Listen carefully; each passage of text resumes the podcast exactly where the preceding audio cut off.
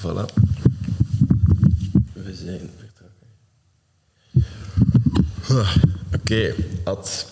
Ehm, ja, zoals altijd ehm, gaan we gewoon een beetje in gesprek gaan. Jij bent de oprichter van Parlangi.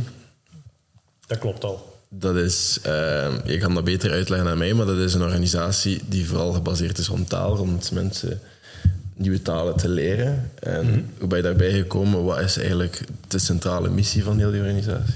Eh, ja, je zegt het juist, hè, taal is bij ons wel dat is bij ons een verbindende factor. Want eigenlijk gaat het voor ons niet alleen over taal, het gaat over mensen verbinden. Eh, we willen mensen samenbrengen om van elkaar te leren. En ehm, ja, ik kom zelf uit het onderwijs. Ik heb meer dan twintig jaar eh, in een Vlaamse secundaire school gestaan als leraar Nederlands en aardrijkskunde. En ook eh 17 jaar, denk ik, als leerlingbegeleider. Dus ik Oh, heb, wow. eh, ja. En dat- toen was mijn, mijn, mijn drang al om mensen die met elkaar niet overeenkomen, om die toch te verbinden. Hè. In C is een leraar en leerlingen, ja, dat matcht niet altijd. Hè. Er zit altijd zo'n soort spanning op die lijn. En, en het is voor mij altijd heel uitdagend geweest om die spanning om die, die te gebruiken om toch iets schoons te creëren. Zowel als leerlingbegeleider, maar ook als leraar. En ik deed dat ongelooflijk graag. Eh, lesgeven doe ik nog altijd heel graag. Dus daarom dat ik onder de vlag van Parlang nog altijd heel veel opleidingen geef aan mentoren, aan anderstaligen, aan mensen in kinderopvangdiensten, in zorginstellingen, in lokale besturen. Ik geef heel graag opleidingen. Want dat is ja, wie dat ik ben. Ehm, en tegelijkertijd zag ik dat, dat heel veel, dat alleszins op mijn school, maar ook vele andere scholen, dat die er niet meteen in slagen om zo echt verbinding te maken. Dat blijft heel vaak een soort hiërarchische structuur waarbij dat, ja, de sommige leraars toch zo de, de, de voeder zijn van de ganzen die, en de leerlingen zijn dan de, de, de, de ganzen die hun ganzenlever moet volgepompt worden met leerstof. Ehm, en ik, ik voelde me daar niet meer oké bij, dus ik dacht van ja, we gaan iets anders doen. En dan zag ik dat er... Ik, ik had ook heel veel anderstalige leerlingen, eh, maar ik zag ook heel veel leerlingen worstelen met Frans. En waarom? Omdat die eigenlijk nooit babbels hebben met echt Franstaligen. Of dat heel veel ehm anderstalige kinderen die Nederlands willen oefenen, dat die een, een netwerk missen van mensen die Nederlands spreken. Heel veel mensen zeggen, ja, ze moeten maar Nederlands leren. Zo makkelijk is dat niet. Als iedereen je met de rug aankijkt, of als, of als je niet bij een vereniging kunt gaan, of je, je, vindt het lastig. Hè. Het is moeilijk hè, om als anderstalige, als je nieuw komt in een land, om daar vrienden te maken. Terwijl dat, dat wel is waar je nodig hebt om een taal te leren. Dus ik zag dat aan de ene kant, dat er veel jongeren waren die het misten om te babbelen met moedertaalsprekers. En aan de andere kant zag ik heel veel collega's die op pensioen gingen en die eigenlijk zeiden van, ik wil niet op pensioen. ik wil dat blijven doen, ik doe dat graag, ik kom graag met die jongeren in contact en ik vind dat tof om te doen. En toen kwam ik in 2017, was dat, ehm, ging met een ongelooflijk inspirerende mens, eh, de chef Staes, eh, mee naar een onderwijsbeurs in Berlijn. En daar heb ik een Braziliaanse dame leren kennen die eigenlijk iets doet wat wij nu ook doen op, eh, op grotere schaal. Dus zij connecteren haar 500 ehm, taalscholen, of haar leerlingen, haar studenten, ehm, in één op één videogesprekken met anderstalige of met Engelstalige eh, Canadese en Amerikaanse senioren die leefden in rusthuizen. En ik dacht, wauw, dat is super. Dat is zo waardevol, zowel voor die senioren als voor eh, die jongeren. Ehm, en dan ben ik met die, met die madame aan de, aan de, aan de klap geraakt. Hè. En ehm, zei ik van, we gaan eens kijken of dat hier in Europa al dat al bestaat. En in heel, in heel Europa bestaat er zo niks. Of bestond er niks, want nu zijn wij er. Eh, ja, en vandaar is Parlangi eigenlijk ontstaan. Dat was een lang verhaal, hè. Nee, ik heb heel veel vragen. Want het is ook een beetje meant to be, denk ik, dat je hier zit vanochtend. Ik een heel goede start. Want allee, ik heb heel veel met leerlingen gelezen in mijn verleden. Ik heb daar heel veel gehad. Ik heb, heb wel gebotst met leerkrachten en zo. Ik heb altijd gestruggeld met Frans. Ik, heb, eh, ik was altijd de wetenschaprichting, de wiskunderichting in het middelbaar. Ik heb sportwetenschappen uiteindelijk ook gedaan. En dan eh, heeft Frans mijn hart gevolgd in het hoger. En dat was ook het enige vak dat ik dacht van oei, dat gaat er misschien voor zorgen dat ik in augustus of september ga mogen terugkeren af en toe. Ehm, maar heel wat dingen. Ik vind het heel mooi wat je doet om zowel zo wat anders talen. Want bijvoorbeeld vorige week in het Open Café was er een jongen uit ehm, de Filipijnen ook. Eh, Bridget heeft daar net gezien, die werkt bij ons en ze is ook van de Filipijnen. En die jongen kon heel moeilijk Engels en heel moeilijk Nederlands. En ja, Frans helemaal niet. Dus communiceren was heel, heel moeilijk. Het was echt zo van die basiswoordjes en zo. En dan communiceerde Bridget toevallig met die jongen en het Filipijns. En dan dacht ik, dit is hoe dat nieuwkomers zich voelen. Want ik verstond er helemaal niks van. Ja, klopt. Hè. En dat, dat, is, ja, dat was even, dat is heel moeilijk, denk ik. Ja, dat, dat, wij merken dat dagelijks. Een drempel voor anderstaligen ook om dat eerste gesprek aan te gaan. Hè. Dus wij hebben een platform gebouwd of een netwerk gebouwd waar mensen elkaar kunnen vinden, ehm, zelfs afspraken met elkaar kunnen maken om te videobellen, berichten naar elkaar kunnen sturen, uh, waar ze ook kunnen zien hoe dat ze vooruit gaan. Hè. In een dashboard kunnen ze kijken hoeveel gesprekken heb ik gehad, uh, hoeveel uitnodigingen, hoeveel evaluaties, hoe zijn die evaluaties enzovoort. Maar we merken, het moeilijkste is zo voor die mensen om die eerst een drempel over te gaan om iemand uit te nodigen. Ze zien dan een lijst met mentoren van mensen die hen willen helpen. Maar dan toch blijft het voor sommige mensen echt moeilijk om zo die eerste uitnodiging te sturen of dat eerste berichtje. En dat is, dat is volledig normaal. Maar van het moment dat je dat hebt, hè, dat dat marcheert, dan... We zien nu dat ongeveer 80, 85 procent van de mensen die een eerste gesprek hebben gehad, die plannen meteen een tweede en een derde gesprek. Dat is super, hè? Ja, dus, dat is wat we, dat we willen. En we zien ook dat er enorm veel echt toffe relaties ontstaan tussen mentoren en anderstaligen. Die, die bijvoorbeeld in ons VDAB-project hebben er zijn mensen die maar uh, drie maanden mogen deelnemen aan het project. We hebben al gevraagd aan VDAB, goh, kunnen we dat niet een beetje verlengen? Want we horen heel veel van, kijk, ik heb vriendinnen gemaakt. Over laatst nog uh, Susanna, die zei van, die stuurde mij een mailtje, uh, een beetje in gebrekkig Nederlands, maar ik begreep het wel. Van, ik heb een vriendin gemaakt met Parlangi uh, en nu moet ik stoppen, mag ik niet langer doordoen. En ja, dat is, één, dat is super waardevol. Twee, dat is ook wel jammer natuurlijk, hè, dat dat dan moet afgesloten worden. Nu, we gaan er wel voor zorgen, of we zijn er stiekem voor aan het zorgen dat ze nog met elkaar kunnen babbelen. Want daar draait het bij ons wel, wel om. Uh, maar we hopen dat, dat we, dat we ja, in, ons, in ons project met VDAB dat we dat voor, voor alle deelnemers kunnen uitbreiden en, en, en, kunnen verlengen, zodat iedereen kan blijven babbelen en dat netwerk kan blijven gebruiken om, om, ja, om zich goed te voelen, om ondertussen Nederlands te leren, om, om uh, andere mensen te leren kennen. En uh, ja, dat is, dat is onze missie. Omdat je straks zei, ja, taal is jullie, jullie, um, jullie ding of jullie missie. Dat, dat klopt. Maar taal eigenlijk alleen maar als middel. Ja. ja. als middel om mensen bij elkaar te brengen. Uh, en sociaal contact dan als middel om ja, langer te leven en ook om, om, om uh, beter een taal te leren. Hè. Want de, de, de, belangrijkste factoren om langer te le leven, is onderzoek van Susan Pinker, een Amerikaanse onderzoekster en ook schrijfster, Um, toont aan dat je, je kunt stoppen met roken en stoppen met drinken. Dat is al heel verstandig om lang te leven. Misschien niet altijd even plezant, maar wel, wel verstandig. Maar op plaats 1 en 2 staan hechte sociale relaties en een nauw sociaal netwerk. Dat houdt u lang in leven. Met andere woorden, als je geïsoleerd bent, als je eenzaam bent, dan is dat de snelste manier om snel dood te gaan. En dat is voor ons ook een hele belangrijke. Voor heel veel organisaties waar we mee samenwerken, is het vooral belangrijk dat anderstaligen Nederlands leren, bijvoorbeeld. Maar voor ons als coöperatie, als sociale coöperatie, vinden wij het minstens even belangrijk dat wij ook um, onze mentoren sociaal contact kunnen aanbieden. Dat we de kennis die, die, die, de mentoren hebben, dat ze die kunnen delen met, met jongeren. Uh, over de generaties heen, over taalgrenzen, over cultuurgrenzen, over nationaliteitsgrenzen uh, heen dat is eigenlijk uh, onze missie. Ja.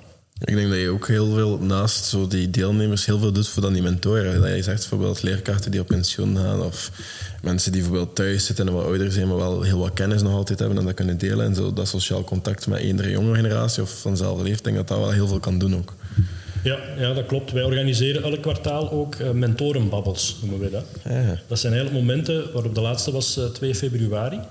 Dat zijn er dan twee per dag, hè, voor de mensen die smiddags kunnen of de mensen die s'avonds kunnen. En dan zitten we met 10, 15, 20, 25 mentoren samen in één videocall. En dan... Dat, zijn ongelooflijke momenten. Ik vind dat heel ontroerend. Ik moet dan altijd even slikken, want de verhalen die die mensen daar vertellen, dat is de reden waarom dat we Parlangi hebben opgericht. Dat zijn mensen die, die deugd hebben van iemand te helpen, die soms zelfs geen sociaal of nauwelijks sociaal contact hadden voordat ze met Parlangi begonnen en nu vier, vijf keer per week um, verschillende anderstaligen helpen om Nederlands te oefenen. Die dat ook voorbereiden, die opdrachtjes voorzien, die huiswerk meegeven.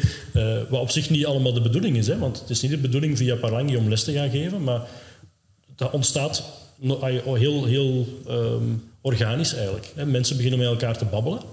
En de anderstaligen geven bijvoorbeeld aan van ja, ik heb daar last mee. En dan zegt de mentor, oh, ja, ik heb nog een toffe oefening daarover. Of en zo ontstaan er allemaal heel toffe één-op-één relaties eigenlijk, die, um, waarbij de mensen zelf bepalen met wie dat ze babbelen, waarover, hoe lang. ehm, en dat is voor ons heel belangrijk, dat mensen ja, autonomie blijven houden.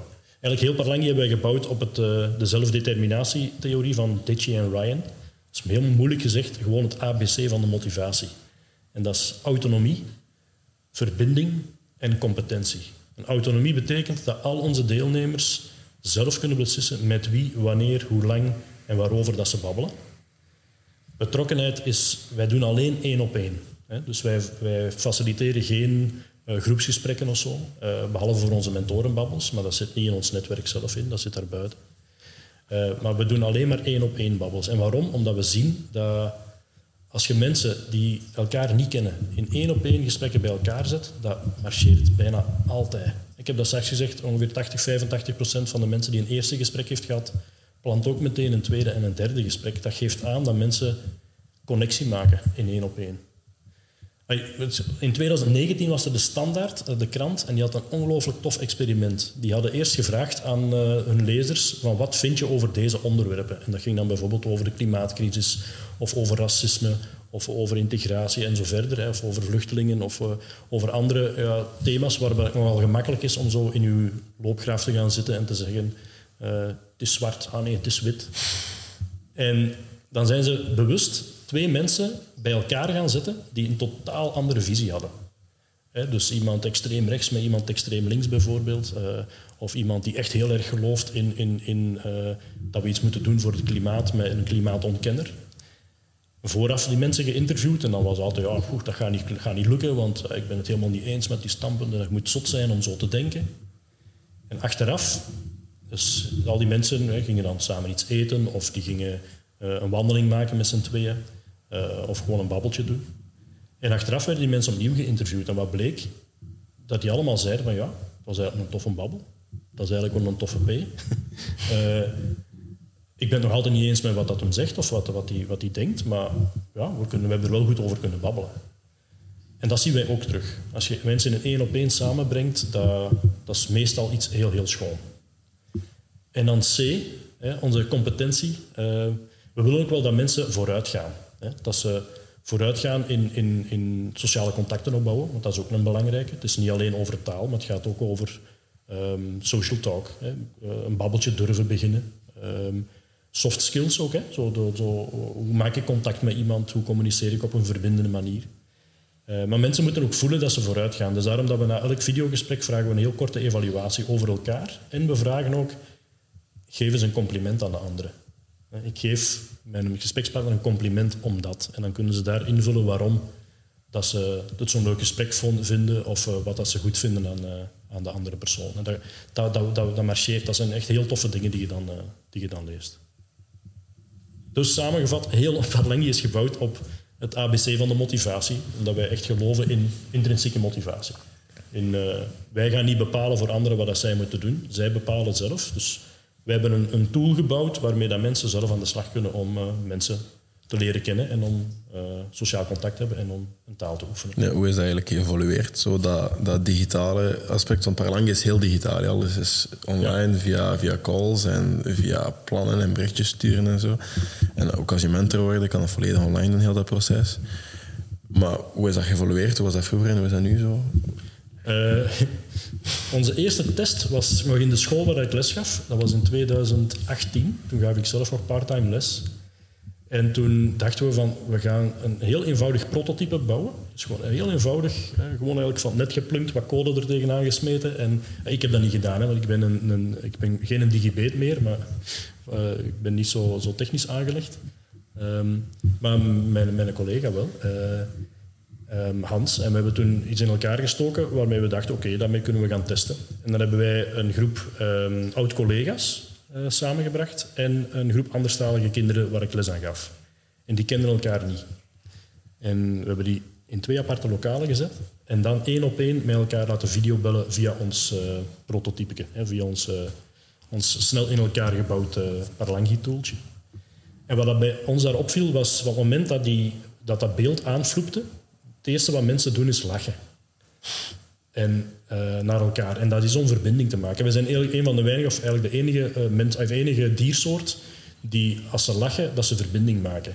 Als een, een aap of een hond of een kat zijn tanden laat zien, dan moet je maken dat je weg bent of je hebt een, een beet vast. Dat is bij mensen niet zo. Eh, Rutger Bregman, een van mijn favoriete schrijvers en denkers, eh, die eh, heeft daar een, een geweldig boek over geschreven, De meeste mensen deugen. Ik heb dat liggen. Nog altijd niet gelezen. want Het is een, Oh, dik, jammer, je moet dat doen. het is een dikke, hè? Het is een dik. Ja, het is een dikke, maar hij leest wel lekker vlot weg. Ja. En ik heb ook de audioversie. In de auto zet ik hem geregeld op. Eh, en mijn kinderen vragen soms zelfs, papa, papa, zet hem morgens op. Waarom? Omdat je, die toont wetenschappelijk aan wat een titel van zijn boek zegt. Namelijk de meeste mensen deugen. En ehm, dat merken wij ook. Dat, dat, dat mensen de eerste keer dat ze met elkaar eh, een babbel hebben, het eerste wat ze doen is naar elkaar lachen. En toen wij dat zagen tijdens die test, dachten we, ja, dit is, dit is super, hè, dit moeten we op grote schaal gaan doen. Hè. En in mijn volle naïviteit dacht ik, well, over twee maanden hebben wij een tool en hebben wij de wereld veroverd. Maar ik zeg altijd, we willen geen Belgisch, Europees, eh, globaal, maar een intergalactisch sociaal lerend netwerk bouwen.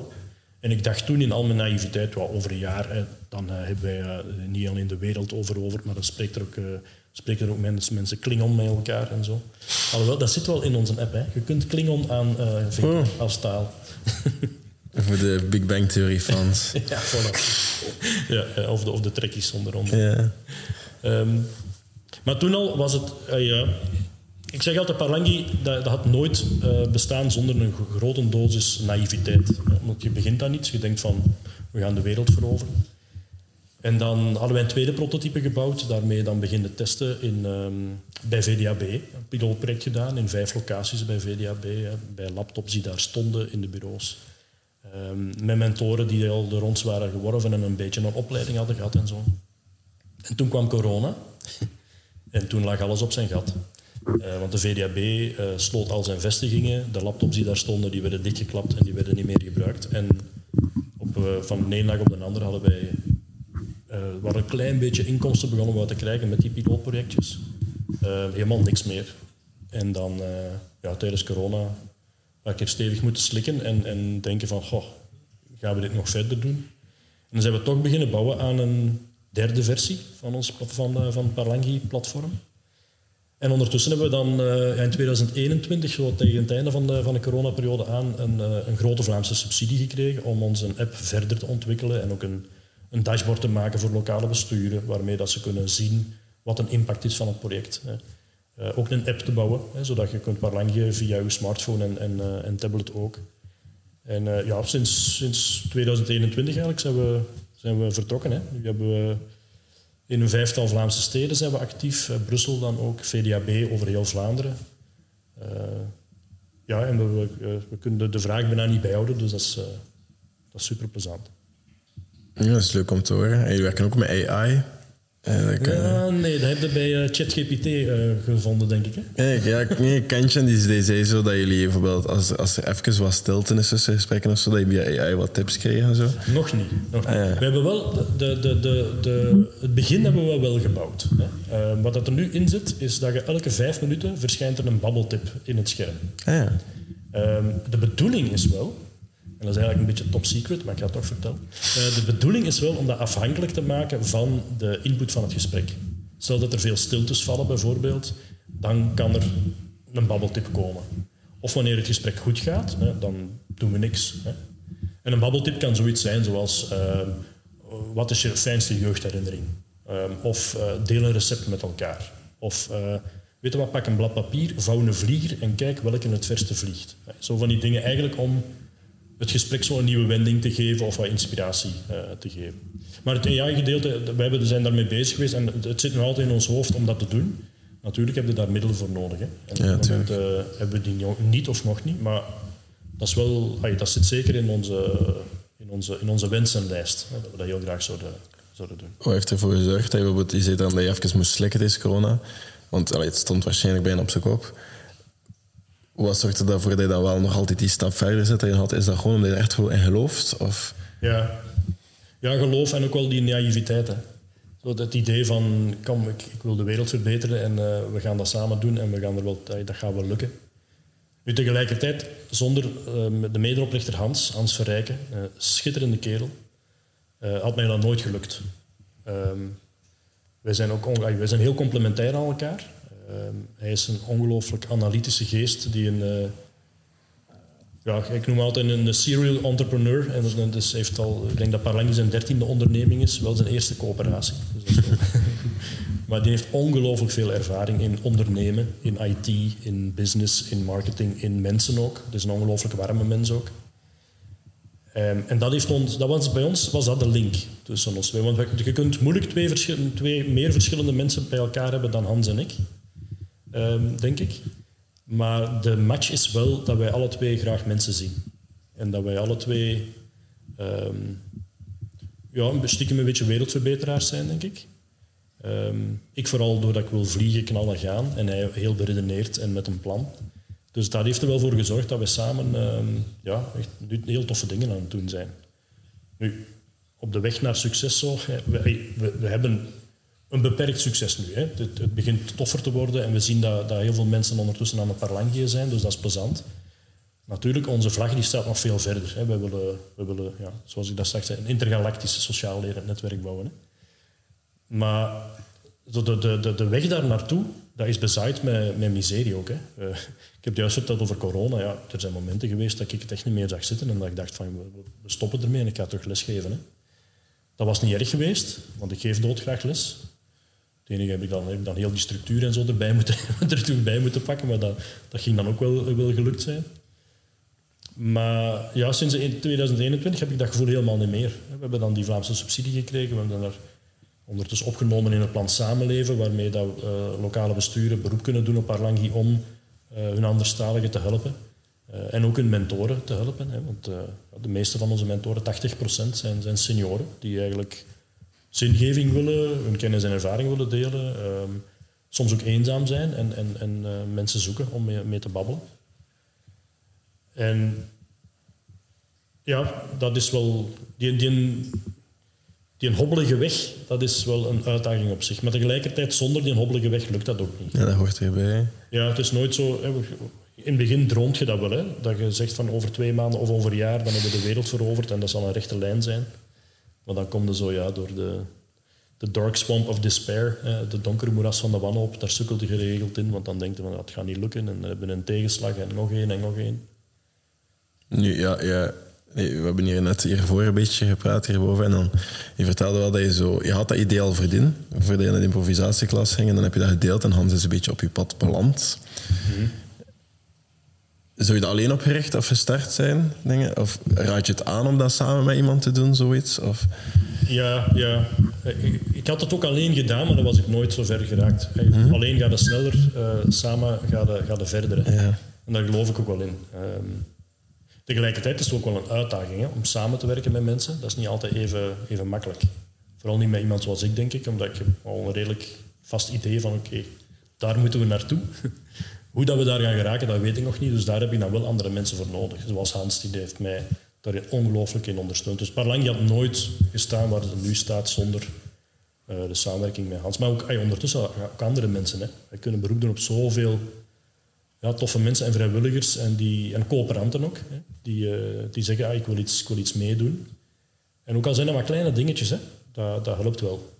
Ja, maar ik denk inderdaad, dat zo, maar soms moet je zo zelf iets starten om dan uiteindelijk iets te kunnen opbouwen dat andere mensen kan aannemen ook. En dan, maar ook daar is al een heel grote stap. Maar ik denk inderdaad, voor verder te raken heb je andere mensen nodig. kan je het niet alleen doen. Ja, ja. ja en die, die, die drive, die passie, die heb je wel, wel nodig. Hè. En je moet dat dat is een beetje mijn sterkte wel. Ik, kan, ik babbel nogal graag, ik weet niet of je dat merkt. maar uh, ik kan wel makkelijk mensen meekrijgen zo in, in, in, in mijn verhaal. Omdat ik daar... één, ik ben er rotsvast van overtuigd dat dat, dat dat werkt. Ik zie dat dagelijks ook, dat dat marcheert. En ik denk wel dat ik er redelijk goed in slaag om die, om die, om die passie wat over te brengen op andere mensen. Ja, die moeten wel in hetzelfde geloven, anders. Ja, ja. Ja, en dat maakt het tegelijkertijd ook wel niet altijd makkelijk om bijvoorbeeld collega's te zoeken. We hebben nu een heel klein team, maar dat zijn wel mensen die ook in, in hetzelfde geloven. Dat maakt het soms wel, wel lastiger. Hè. Bij ons moeten niet binnenkomen met uh, dollartekens in uw ogen. Hè. Ja, uh, je, je, moet mensen in uw ogen hebben en je moet zien wat, welk, welke impact dat jouw werk heeft op het leven van mensen. Hè. En dat, dat, dat, zie ik dagelijks. Ik, ik ga geregeld nog uh, op bezoek bijvoorbeeld bij mentoren uh, die het lastig hebben met de, met de computer of gewoon eens om een kopje koffie te gaan drinken en te vragen hoe dat is. Ik vind dat nog altijd super belangrijk en ik ga ook blijven doen. tot het einde der tijden ga ik onze mentoren blijven bezoeken, omdat ik dat, ja, ik krijg daar zelf energie van. En ik vind dat gewoon belangrijk ook om te doen. Maar dat is ook wel, dat is een beetje de kern van wat Parlangi is. Het draait om mensen en niet om cijfers. Tegelijkertijd moet ook niet, niet naïef zijn natuurlijk. Je hebt ook wat centen nodig om te kunnen realiseren wat je wilt realiseren. En dat vind ik zo de, de uitdaging. Om zo dat sociaal ondernemerschap ehm, te koppelen aan ook wel een gezond financieel beleid. Wij zijn op dit moment financieel gezond. Hè. We hebben, we hebben houd vast dat we tot nu toe nog nooit verlies geleden. Vooral omdat we er zelf gewoon uh, weinig hebben uitgehaald en heel veel hebben ingestopt. Um, maar dat, is, dat, blijft wel ons doel, om, om een gezond uh, bedrijf te blijven, financieel gezien, zodat wij onze missie kunnen, kunnen blijven volbrengen. En, en, en, maar dat, dat, is wel, dat is, ik vind dat zelf een hele lastige, want ik ben geen cijferman. Ik ben wel uh, een mensenman. Maar die cijfers zijn wel nodig. Ja, voilà. Die cijfers die zijn, ja, die zijn ja, jammer genoeg zijn die, zijn die nodig. Niks naar dan. Ik vind wel heel mooi. Ik vind het zo mooi om al die dingen te horen. Nu even een heel andere boeg. Je hebt mij op het denkpatroon gezet toen je hebt laten vallen dat je leerlingenbeleider bent geweest. Ik denk dat er wel heel interessante verhalen van daar Bijvoorbeeld ik zelf, ik heb mijn vijfde, allez, ik, ben, ik heb heel mijn jeugd, uh, ik ben een kind van de staat geweest, ik heb in instellingen gezeten en dan uh, heb ik mijn vijfde gedubbeld met die reden, omdat ik in het weekend lauw verslagen moest maken en dat lukte niet als ik voor mijn praktijk niet door en dan heb ik mijn vijfde jaar gedubbeld. En uh, in mijn vijfde ben ik ook alleen gaan wonen, op mijn zeventien jaar.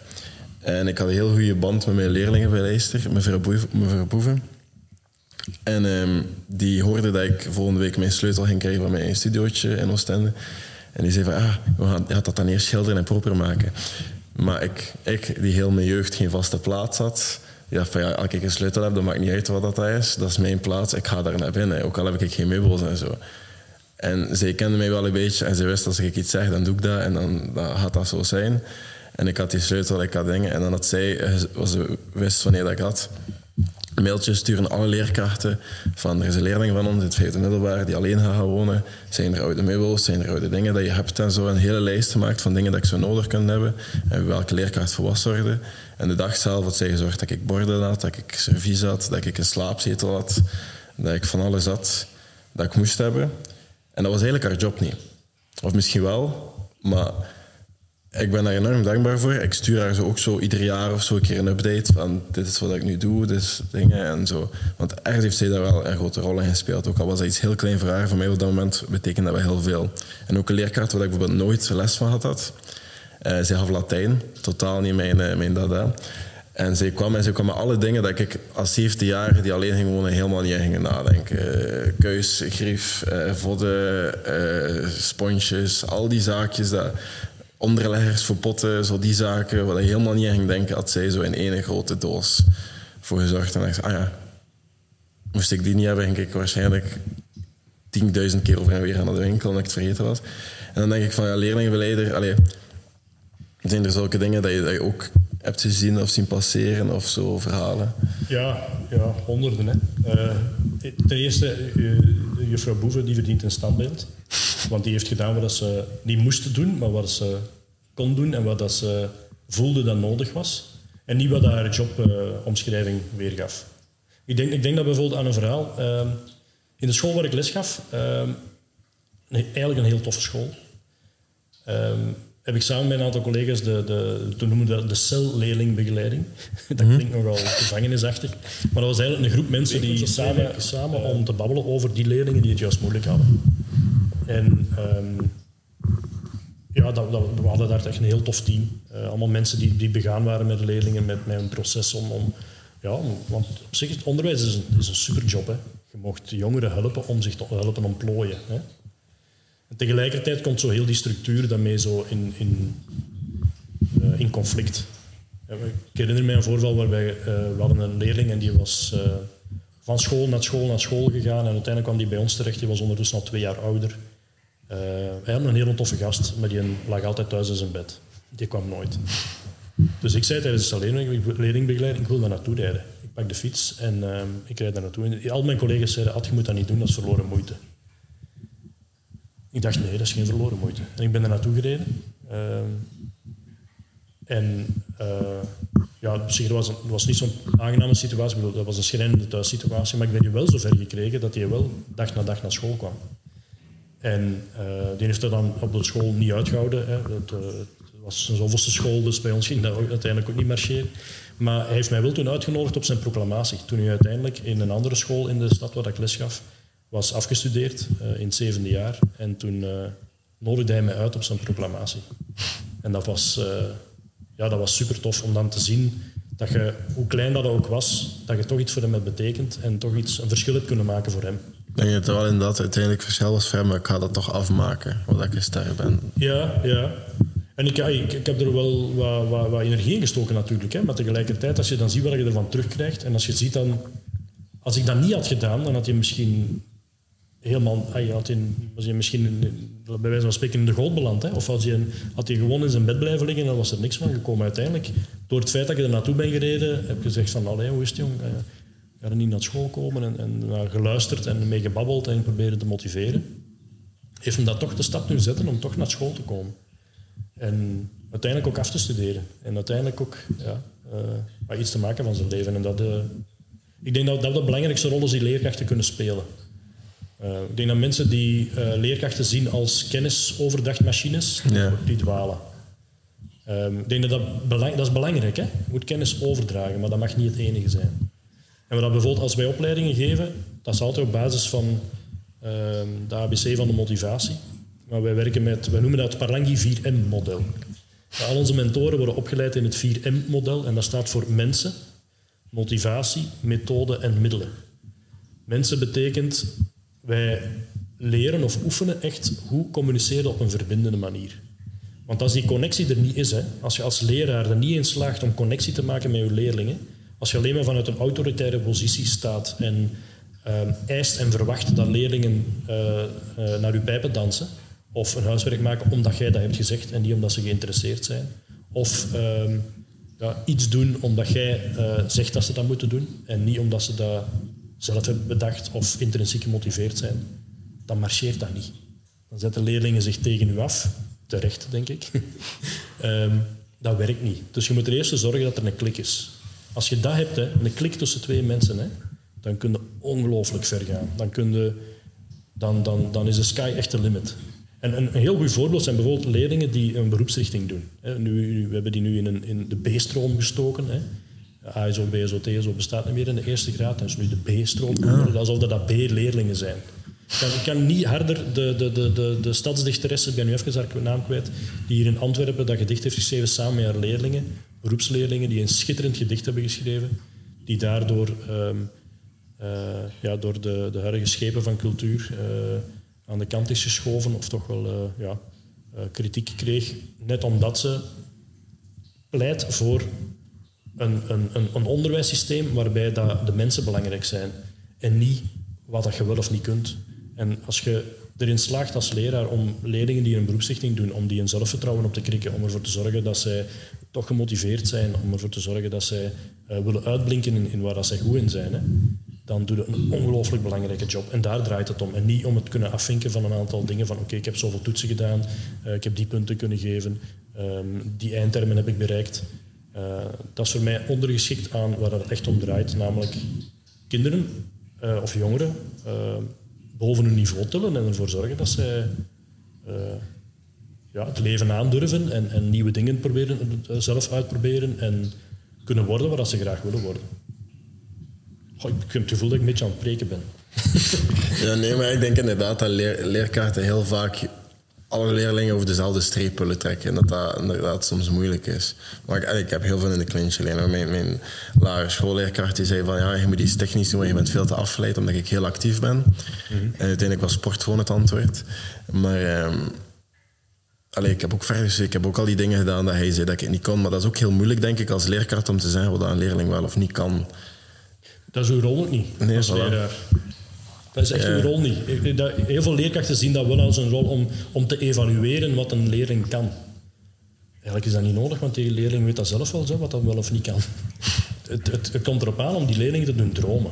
Om te laten zien wat er allemaal mogelijk is. En te laten zien ook vooral, vooral een mindset bij te leren, te brengen van moet het niet opgeven. Als dat niet lukt op deze manier, dan proberen we het op een andere manier. Hè. En als het alleen niet lukt, weet je dan werken we samen. ik had liever gehad inderdaad dat ze zo helpen met wat je echt wilt. Helpen uit te zoeken wat je echt wilt.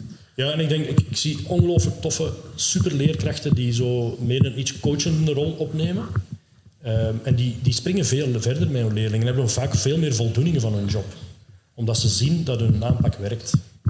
En als ik dan bijvoorbeeld heb, ja, ik weet niet of ik die weg moet inslaan, maar zo bepaalde politieke partijen hoor praten over de pretpedagogie en zo. Ik vind dat hartverscheurend. Waarom? Omdat dat dat is zo met een ondertoon van het gaat er niet over de mensen, het gaat erover dat we ze allemaal over diezelfde lat krijgen. Ze moeten allemaal presteren en uitmunten, maar we vergeten daarbij dat we op die manier heel veel leerlingen... Er zijn heel veel leerlingen die die lat niet overgeraken. Hè? En wat met hun? Wat met hen?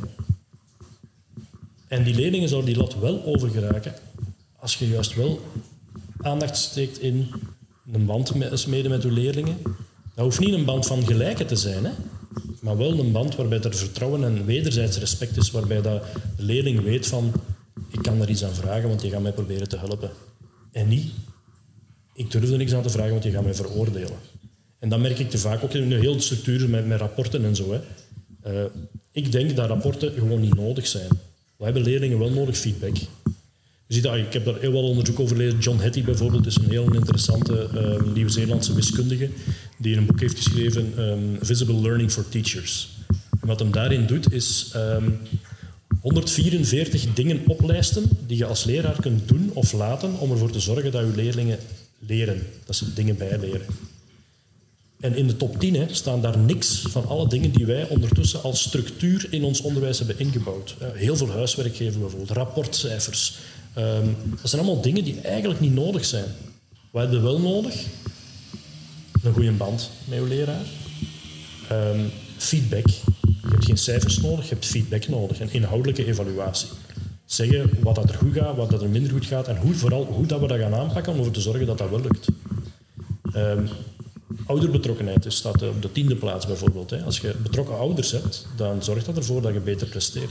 Nu, dat heeft er zo tien op, de, de, de top tien, die overloop ik altijd met onze mentoren. Van kijk, dat zijn voor ons op Parlangi ook belangrijke dingen. Het geven van goede feedback aan elkaar in plaats van een veroordeling of een, een beoordeling is veel belangrijker. Ehm, die connectie maken met elkaar. Um, ervoor zorgen dat, dat, dat, dat, mentoren ook samenwerken. Dat is de reden bijvoorbeeld dat we onze mentorenbabbels doen. Omdat we weten, als die mensen samen met elkaar kennis en ervaringen delen, dan uh, leren die heel veel van elkaar. En dat is, ik geloof zelfs dat het op, op, op plaats 1 staat in de top 144 van John Hattie. De beste manier om ervoor te zorgen dat je school werkt, of dat je, dat dat je leerlingen uh, een niveau hoger tilt, is als leerkrachten goed samenwerken. Als je goed werkende leerkrachtenteams hebt, dat straalt enorm af op je, op je leerling. Dus in Scandinavië bijvoorbeeld, in Finland, is dat een, uh, trouwens een land dat keer over keer super scoort in alle internationale testen, zoals PISA bijvoorbeeld. Waarom? Omdat ze daar aan de leerkrachten ook veel autonomie geven. Ze geven aan de leerkrachtenteams autonomie om zelf te bepalen wat de doelen zijn of wat hun eindtermen zijn. Er is geen door de overheid bepaald curriculum dat zegt van kijk, dat zijn de eindtermen die iedereen moet bereiken. Over deze land moet iedereen over.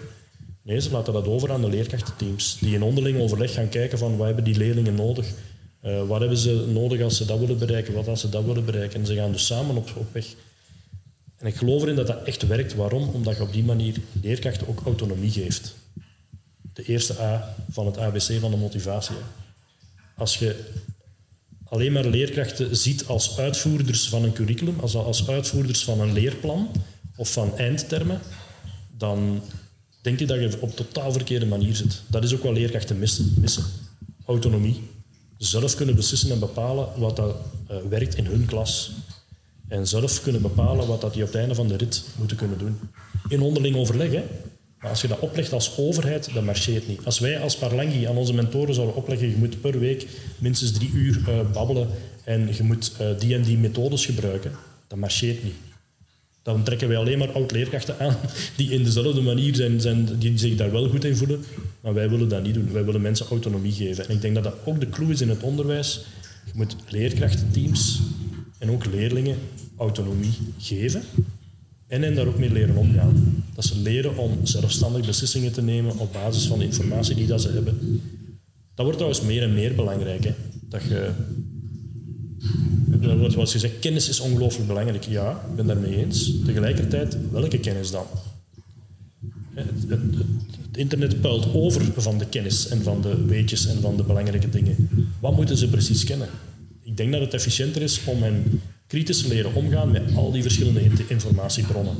Dat ze, dat ze een gedegen kennis hebben, waarmee dat ze kunnen aftoetsen van klopt dit wel, maar dat ze tegelijkertijd aanleren dat ze een kritische houding moeten hebben ten opzichte van alles wat dat ze lezen of horen. Dat ze zelf dan moeten gaan checken met hun eigen referentiekader, met wat dat ze al weten uit de kennis die ze hebben opgebouwd.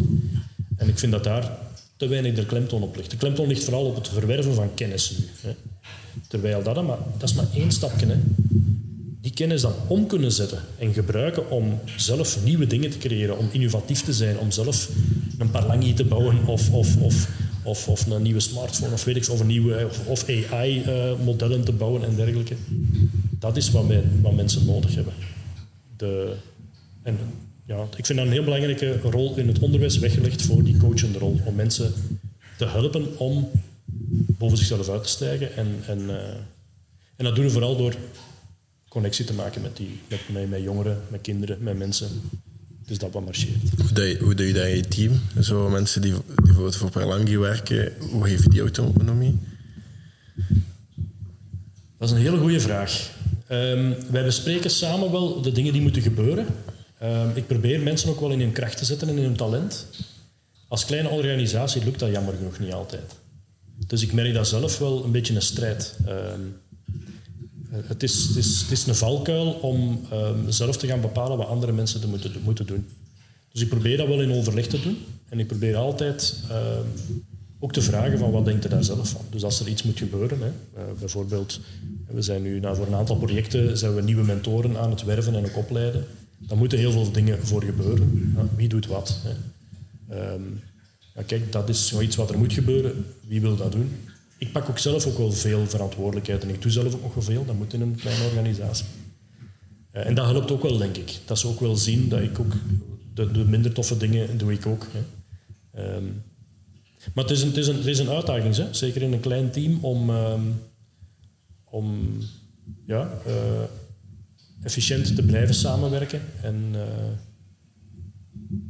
ja, ik denk dat belangrijk. Ik probeer altijd de ABC um, van de motivatie in mijn achterhoofd te houden. Ook in, in, in, in samenwerken met mijn collega's. Uh, dat ze zelf voelen, dat ze competenter worden ook. Dat ze, ja, betrokkenheid is bij ons belangrijk, want iedereen heeft bij ons contacten met ofwel de anderstaligen die, uh, die Parlangi gebruiken, ofwel uh, onze mentoren. en dan autonomie, ja, in zekere zin. Hè. Het is niet dat ze helemaal kunnen en, en moeten kiezen wat, ze, wat ze doen. Er zijn wel wat dingen die moeten gebeuren natuurlijk, maar ja, meestal gebeurt dat in, in onderling overleg. En als dan toch een knop moet doorgehakt worden, ja, dan doe ik dat. Hè. dan zeg ik wel van ja, het zou tof zijn als dat gebeurd is tegen uh, volgende week. Lukt dat? En ja, dan komen we er wel. En denk je dat te veel autonomie soms ook een valkuil kan zijn voor zowel mensen die ervan profiteren of zo?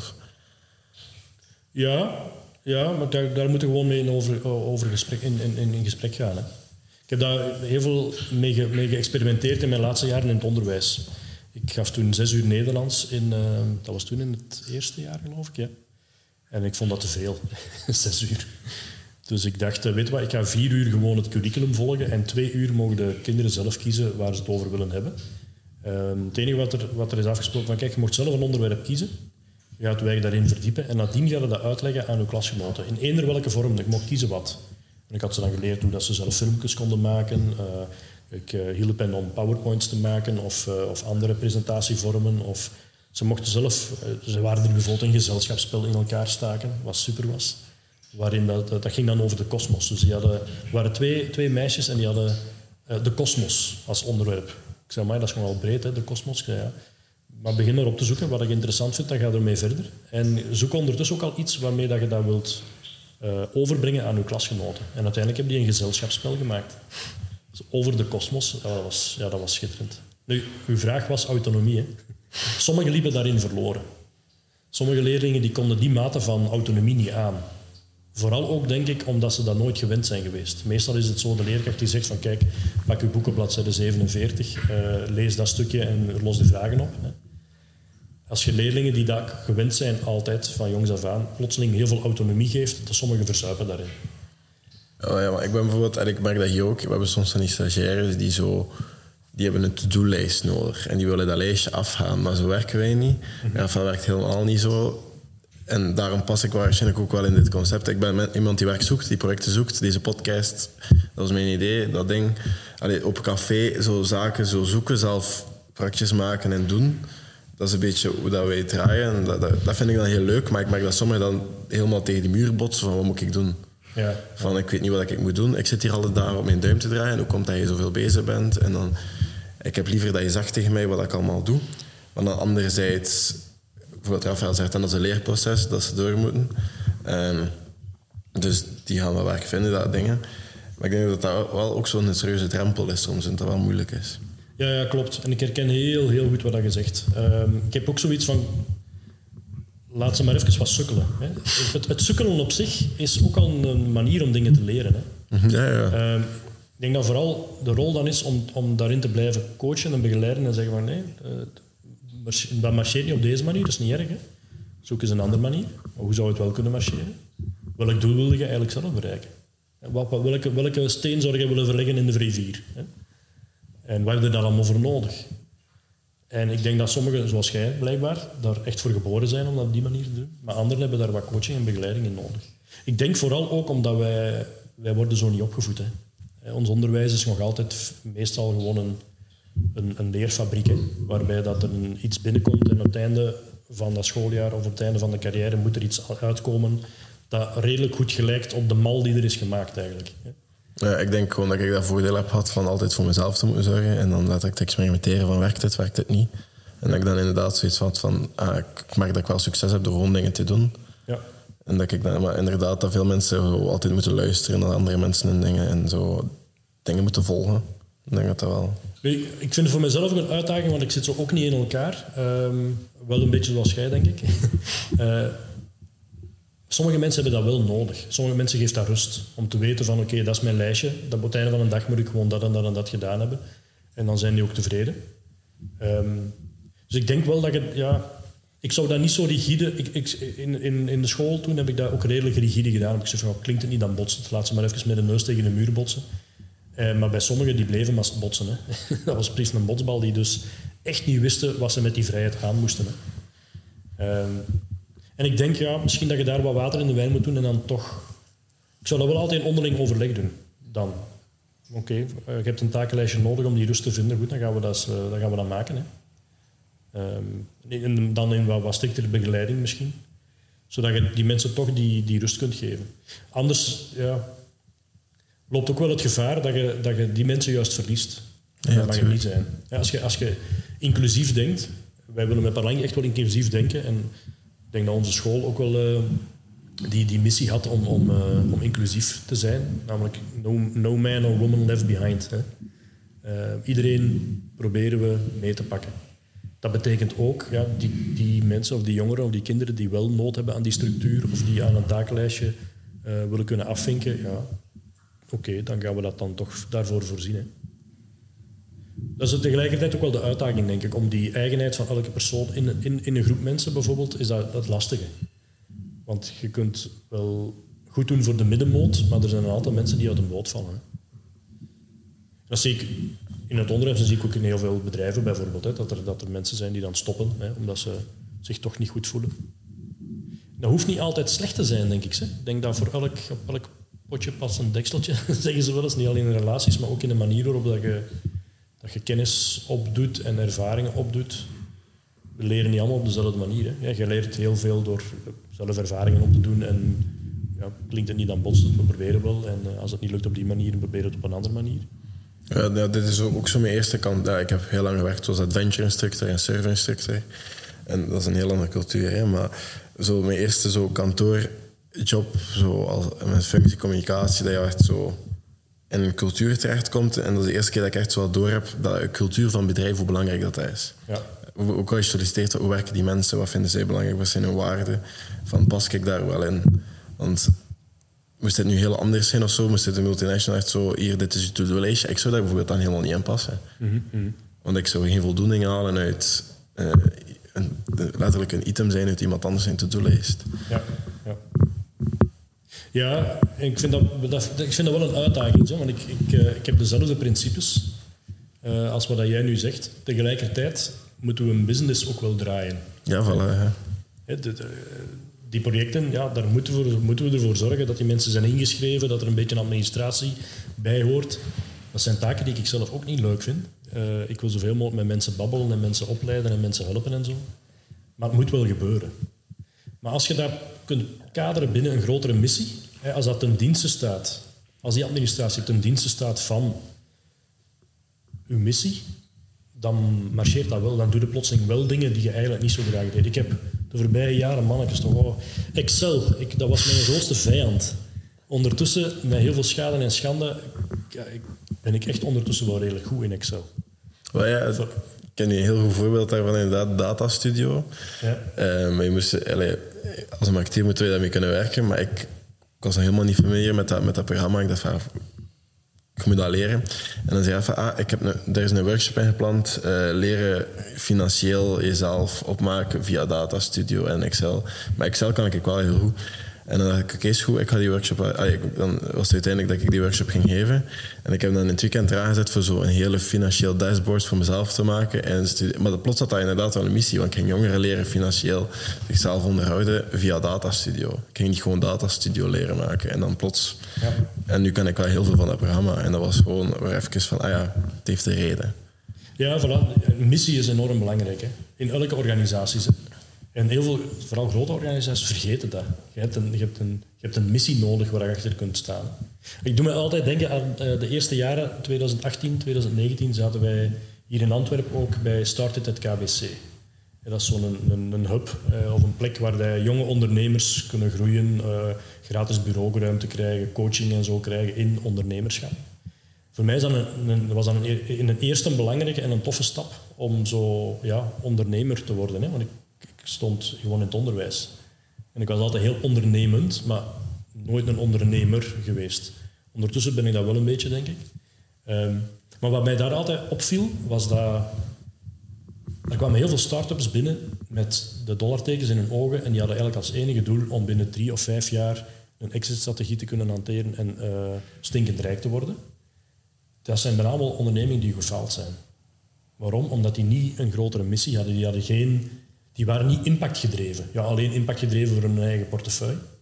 Maar niet impactgedreven op ik wil een verschil maken. Ik wil met mijn product of met mijn dienst wil ik een verschil maken voor mensen. En dat heb je nodig. Ook als puur commercieel bedrijf hè, heb je een missie nodig. Je moet ergens achter kunnen staan waarmee dat je zegt van ik ga de wereld veranderen of verbeteren door dit product. Hè. Al is dat dan het, het Sobakawa Pillow of, of de Appmaster, weet ik veel wat.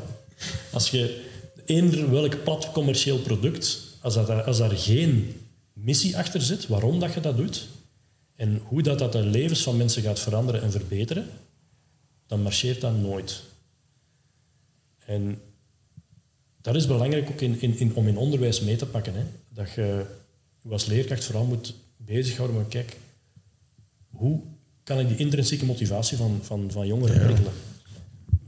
Hoe kan ik hen, hen laten voelen van wat, van wat dat zij kunnen betekenen? Met welke, welke kleine dingen of welke grote dingen dat zij een, verschil kunnen maken voor, voor zichzelf, maar ook voor anderen of voor de wereld. Of dat ze klima, klimaatprobleem kunnen oplossen of dat ze eh, ja, nieuwe dingen kunnen uitvinden waarmee dat ze, dat ze de mensheid een beetje vooruit helpen. Hè. Dat is de clue, denk ik. En dan kunnen ze alles laten doen. Van saaie Excels tot, eh, tot eender wat. Ehm, Ja, als maar dat was ook... diensten staat van het slagen voor die missie, dan, dan werkt dat, is de kans veel groter dat dat werkt. Mijn oude wiskundeleerkracht was dat gewoon. Want iedereen vroeg altijd, ah, waarom, waarom moet je die wiskundeformules kennen? Waarom moet je nu dat bewijsje dat je van cosinus of zo? Maar ze kenden zo iedereen specifiek, zo wisten ze wel. Maar we waren maar met zes in de klas, we waren topsportwetenschappen. En dan wisten ze van, ja, oké, ze wisten wel iedereen de doelen. En ze wisten bijvoorbeeld van mij dat ik paracommando ging worden. eh. Ah het leren, stel, hey, dingen, dat ga je nodig hebben. En dan zo, dat is altijd zo die intrinsieke motivatie, zo dingen. Zo van, en zo, je moet niet alles kunnen, maar Ja, ja, ja. Ah, wel in het is- Berekent maar eens de baan, hè, want hier staat je kanon en daar is de vijand. Als jij wilt dat die bom eh, los op zijn kop landt, eh, berekent de baan maar eens. Hè. Dan heb je dan de cosinus of de sinus voor nodig. Ik weet het zelf allemaal niet meer. Eh, maar dat, ja, dat is inderdaad, dat, dat marcheert. Hè. ja, natuurlijk. Ik Maar- ben pas echt geïnteresseerd geraakt in wiskunde toen ik zelf een trap in elkaar heb gestoken naar onze zolder. We hebben onze zolder ja, een aantal jaren geleden verbouwd. En ehm, iemand in mijn familie had gezegd, je kunt dat niet. Je moet, laat dat doen door een vakman. Ja, dat is de manier om ervoor te zorgen dat ik dat juist wel probeer. Ja. Eh, dus ik heb dat helemaal zelf gedaan en ook een trap in elkaar gestoken. Oh, wist ik veel dat je daar wiskunde voor nodig had. Dus ja, ik heb er de, de, de stelling van Pythagoras en zo voor nodig gehad om ervoor te zorgen dat je een trap goed staat. En hij staat goed. Hè. Hij piept niet, hij kraakt niet, eh, hij is nog altijd niet ingezakt. Hoe, Dus wiskunde werkt. Hoe ga je van, want je hebt het daarnet gelost, hoe ga je van ondernemend, nee, ja, ondernemend naar ondernemer? Met heel veel bloed, zweet en tranen. En vooral heel veel tranen, vrees ik. Eh, oh, honderd keer dezelfde dingen proberen. Ehm, opnieuw proberen. Ik heb al tien verschillende financiële plannen gemaakt of businessmodellen gemaakt. En ik verander nog constant. Eh, we zijn er nog altijd niet echt uit. Wat we hebben een businessmodel. We weten van oké, lokale besturen, organisaties die werken met ons samen. Zij financieren het eigenlijk zodat onze eindgebruikers niet moeten betalen. Dat, dat is ons doel. Eindgebruikers betalen niet. Maar het moet natuurlijk wel ergens gefinancierd worden. Dus op dit moment is ons model eh, een, een, een B2B. Hè, waarbij dat lokale besturen en organisaties ons inhuren eigenlijk hè, om voor hun een project te organiseren. Maar we zijn ook aan het denken om, om een B2C, waarbij, dat we, waarbij dat individuele mensen ook kunnen inschrijven. Ehm, dat staat nog altijd niet op poten. Eigenlijk was, zijn we daarmee begonnen. Maar ja, ik stuur dat een beetje, denk ik, ook een beetje zelf op, op de, op de lange baan, omdat ik daardoor wat meer ehm, met dingen moet bezig zijn, misschien die ik niet zo graag doe. Namelijk met marketing en met eh, ja, een, betalingsstructuur en, al, die dingen erachter te steken. Ik denk van nee, op dit moment bollen we goed, zoals we nu bollen. Dus om op uw vraag te antwoorden, ja, gewoon trial and error. Proberen, mislukken.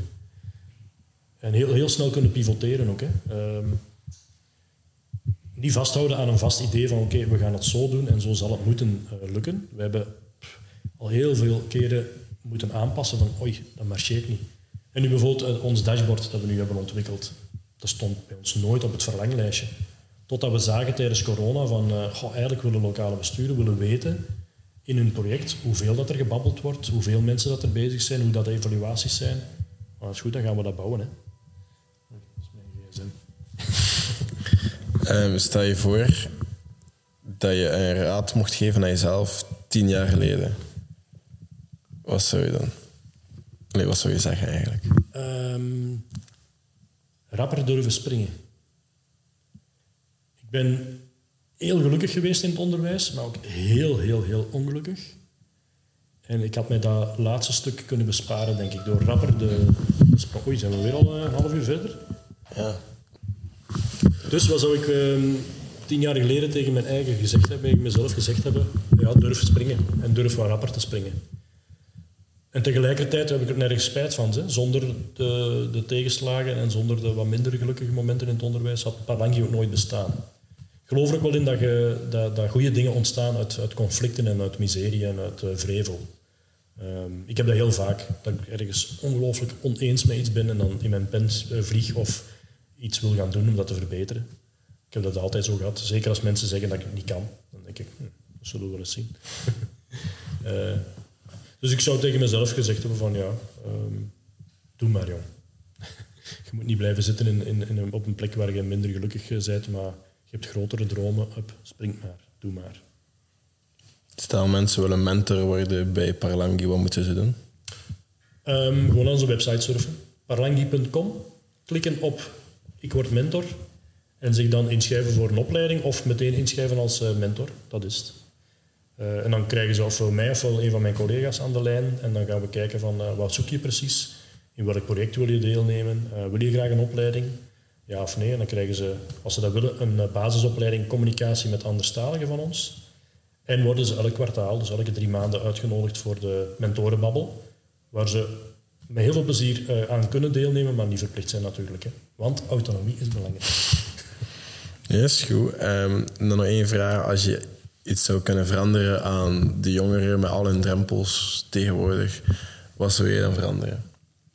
Wat ik aan jongeren zou veranderen. Drempels die jongeren meemaken zou veranderen? Of één iets, één probleem dat jongeren ondervinden? Goh, ik zou zeggen, koester die drempels, want die hebben ook nodig om te kunnen groeien. Ah, Ik zou geen, ik zou geen eh, drempels wegnemen. Ik Dus ik denk altijd aan, uh, aan, een, aan een citaat van een uh, voormalige Amerikaanse president. Die zei, als je iemand echt graag ziet, dan doet je zo weinig mogelijk in zijn of haar plaats wat ze zelf zouden kunnen. Ah, ja. En ik heilig dat principe nogal in de opvoeding van onze kinderen, uh, onze drie schatten van kinderen. Ehm, en ook ja, in de manier waarop ik met mensen omga. Ik denk niet dat je als volwassene de rol hebt om drempels weg te pakken. Uh, laat die drempels daar maar liggen, maar help mensen om die drempels te, te nemen. Niet door het in hun plaats te doen, hè, maar door hen aan te moedigen, te coachen. Ik ben akkoord. Ik denk dat mensen zich soms een beetje veel te veel vertoetelen. Nu, ik heb die vraag wel al vaak gesteld en het, het antwoord dat het meeste naar boven kwam was het gebrek aan zelfvertrouwen. Dat wouden de meeste jeugdwerkers of mensen oplossen. Omdat ze denken, als ze dat niet hebben, dan gaan ze misschien wel zo het vertrouwen hebben om dingen te doen, om, actie te ondernemen of het leven vast te pakken. Uh, maar dat was het. Merci. Ik vond het heel aangenaam. Ik, vond, ik heb er heel veel uit geleerd eigenlijk. Oh, dat is tof. Ik vond het ook tof. Ze zijn een toffe P. Merci. uh, dat is. Ik denk, uh, moest je mentor willen worden voor Paralangi, ga naar de website. Moest je als anderstalige Nederlands willen leren of andere talen, ga ook naar Paralangi. Welke talen zijn er nog? Um, ja, het is zo dat wij projecten organiseren. Hè. Dat betekent dat je ofwel via VDAB ofwel via een van de steden waar wij actief zijn, dat is uh, Lier, Brugge, Roeselare, Menen, Sint-Joosten, Node en ik vergeet er waarschijnlijk nog uh, enkele. Uh, via die organisaties of steden kun je inschrijven voor Parlangi. Maar surf gewoon ook naar onze website. Daar kun je je nu ook op een wachtlijst laten zetten als individuele taalleerder. Dat betekent wachtlijst, want de vraag is op dit moment groter dan het aanbod. Maar als je bij een van die projecten kunt aansluiten, hè, bijvoorbeeld bij VDAB of die andere organisaties, dan schrijven we je daar heel graag voor in. Voilà, dat is het. Iedere donderdag ben je ook altijd welkom van drie tot vijf voor ons open café om laagdrempelig gewoon een keer kennis te maken. Maar wat is Studio Digitaal? Wat kan je daar allemaal aan doen? Gewoon een keer babbelen, gewoon spelletjes spelen, dat gebeurt er ook vaak. En voilà, dan zien we jullie volgende week met een nieuwe podcast. Merci. Graag gedaan.